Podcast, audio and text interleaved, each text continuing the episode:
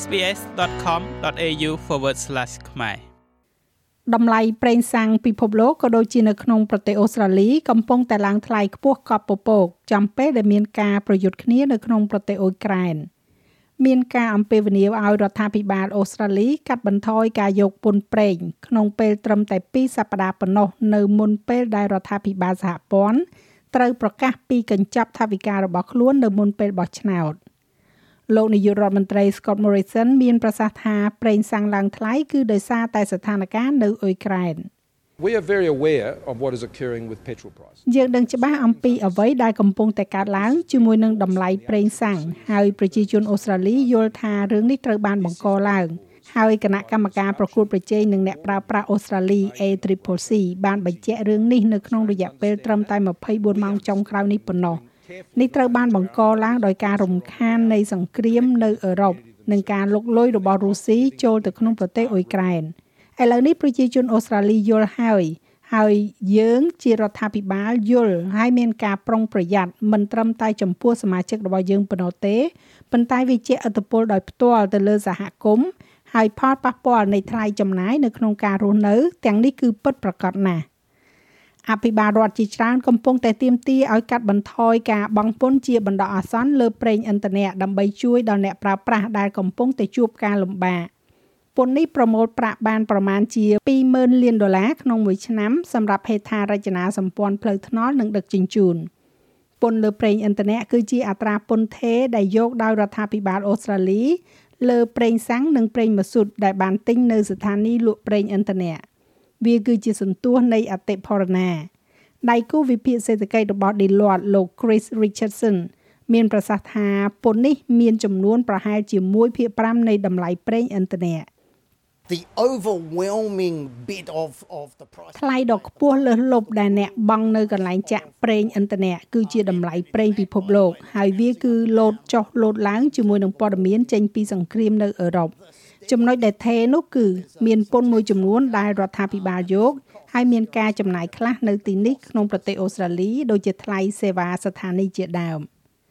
ថ្លៃសាំងបានឡើងដល់ទៅជាង2ដុល្លារ20សេនក្នុង1លីត្រដែលគេរំពឹងថានឹងកើនឡើងដល់2ដុល្លារ50សេន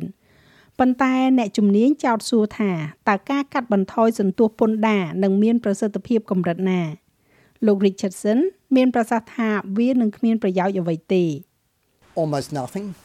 um ស្ទើរតែគ្មានប្រយោជន៍អ្វីសោះអ្នកដឹងទេថាការផ្អាកការធ្វើសន្ទុះនឹងសន្សំបាន1សេនរាល់ឆ្នាំ ចេញពីអ្វីមួយដែលលោតឡើង អ្នកដឹងទេគឺ10និង20សេនក្នុងមួយសប្តាហ៍នោះហើយជាអ្វីដែលអ្នកនយោបាយបង្ហាញថាពួកគេយល់ពីអារម្មណ៍ឈឺចាប់របស់ប្រជាជន ហើយវាមានការឈឺចាប់ពិតប្រាកដប៉ុន្តែអ្នកមិនអាចជួសជុលការឈឺចាប់ដែលបង្កឡើងដោយសង្គ្រាមនៅអឺរ៉ុបជាមួយនឹងជំនួយពីខាងពន្ធដារនៅក្នុងប្រទេសអូស្ត្រាលីបាននោះទេលោក Vlado Vivoda គឺជាសាស្ត្រាចារ្យជាន់ខ្ពស់ផ្នែកយុទ្ធសាស្ត្រសិក្សានៅសាកលវិទ្យាល័យ Deakin លោកនិយាយថាការកាត់បន្ថយពន្ធលើប្រេងឥន្ធនៈអាចធ្វើឲ្យសាំងចុះថោកបន្តិចបន្តួចប៉ុណ្ណោះខណៈដែលតម្លៃប្រេងឆៅនៅតែប្រែប្រួលជាខ្លាំង រដ្ឋាភិបាលពិតជាគ្មានអំណាចអ្វីទៅលើតម្លៃប្រេងអន្តរជាតិនោះទេ អូស្ត្រាលីមិនមែនជាតួអង្គពិតប្រាកដនៅទីនេះទេដូច្នេះឧបករណ៍តែមួយគត់ដែលរដ្ឋាភិបាលអាចទម្លាក់ចោលបាននោះគឺពន្ធឥន្ធនៈ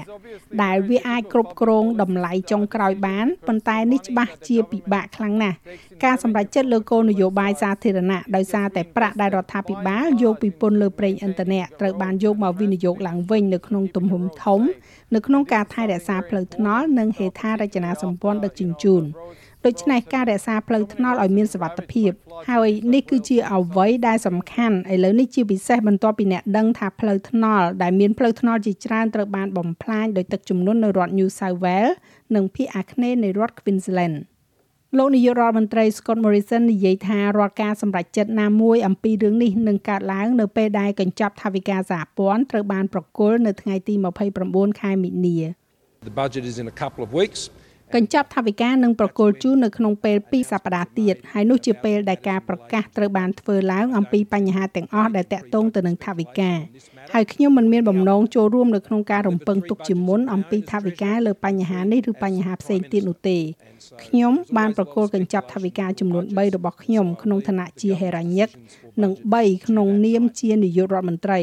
ហើយដូច្នេះតែងតែមានការរំពឹងទុកជាច្រើននៅមុនពេលចេញកញ្ចប់ថវិកា ខ្ញុំនឹងទុកការសម្រេចចិត្តរបស់រដ្ឋាភិបាលសម្រាប់កញ្ចប់ថវិកានៅយប់នោះ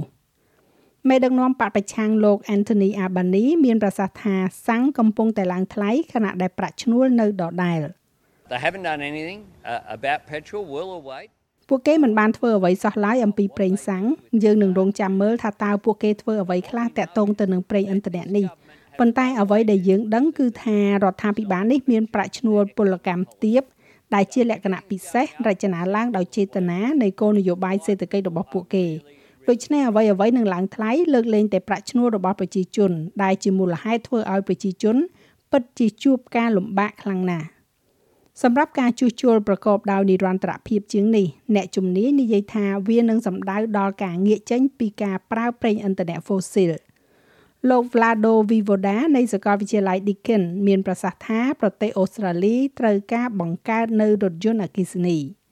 Encouraging um, substitution. ការលើកទឹកចិត្តឲ្យមានការជំនួសនៅក្នុងវិស័យដឹកជញ្ជូនដើម្បីផ្លាស់ប្ដូរទៅប្រើប្រាស់យានជំនិះអគ្គិសនីនឹងមានប្រយោជន៍សម្រាប់សន្តិសុខធម្មពលរបស់យើង វានឹងមានប្រយោជន៍សម្រាប់ការកាត់បន្ថយកាបោនៅក្នុងប្រទេសអូស្ត្រាលី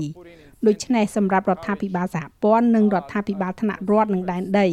ដើម្បីជាការផ្ដល់ការលើកទឹកចិត្តនិងដើម្បីលើកទឹកចិត្តអ្នកប្រើប្រាស់ឲ្យផ្លាស់ប្ដូរពីរថយន្តប្រើសាំងទៅជារថយន្តអគ្គិសនីនិងคล้ายទៅជាអ្វីដែលវាគឺពិតជាពេលវេលាដ៏ត្រឹមត្រូវណាស់សម្រាប់រឿងនេះនៅក្នុងរយៈពេលខ្លីវាគឺជាបញ្ហាថ្លៃចំណាយនៃការរស់នៅ ដែលនឹងស្ថិតនៅក្នុងការចាប់អារម្មណ៍ខាងផ្នែកនយោបាយ។ អ្នកបោះឆ្នោតនៅតំបន់ជីក្រុងជុំវិញប្រទេសកំពុងតែមានអារម្មណ៍ថារងការគៀបសង្កត់ដែលអាចកាន់តែអាក្រក់នៅក្នុងអំឡុងពេលបោះឆ្នោតសហព័ន្ធលោក Albany និយាយថាបញ្ហាតម្លៃប្រេងសាំងនេះគឺជាបញ្ហាដែលកើតមានឡើងតាំងពីមុនសង្គ្រាមនៅក្រៅប្រទេសឯណោះ